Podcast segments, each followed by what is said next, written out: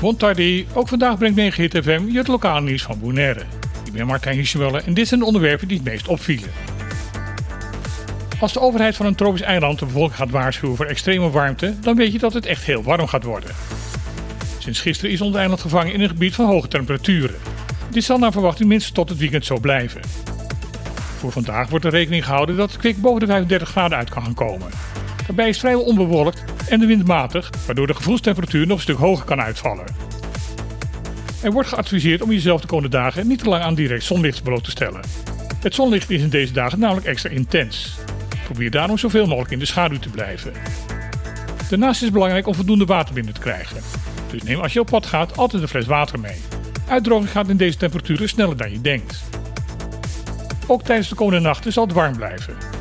Het is de verwachting dat wanneer de zon onder is gegaan, de temperatuur rond de 28 graden zal blijven hangen. Een reizende ster, zo mag je de 42-jarige Ingrid Sali toch wel noemen. Opgegroeid op Bonaire ging ze naar de middelbare school naar Nederland om daar aan de Vrije Universiteit van Amsterdam criminologie te gaan studeren.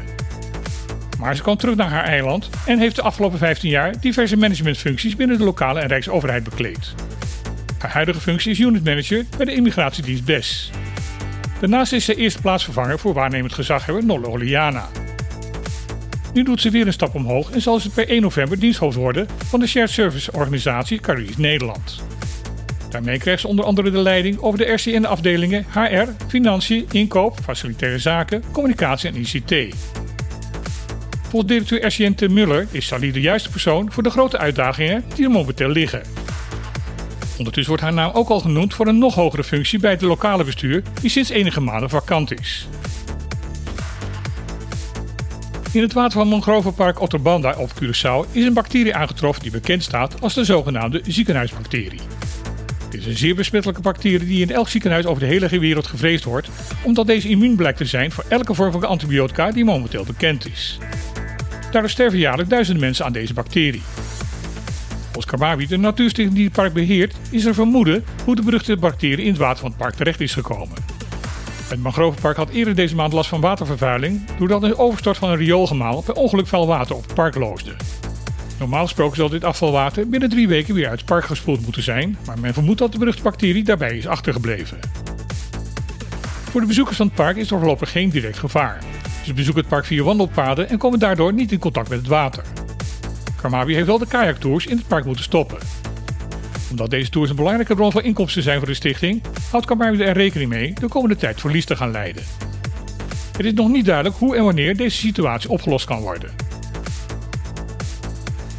Het kabinet Rutte 3 heeft doelbewuste problemen die veroorzaakt gaan worden door de klimaatsverandering van Caribisch Nederland genegeerd.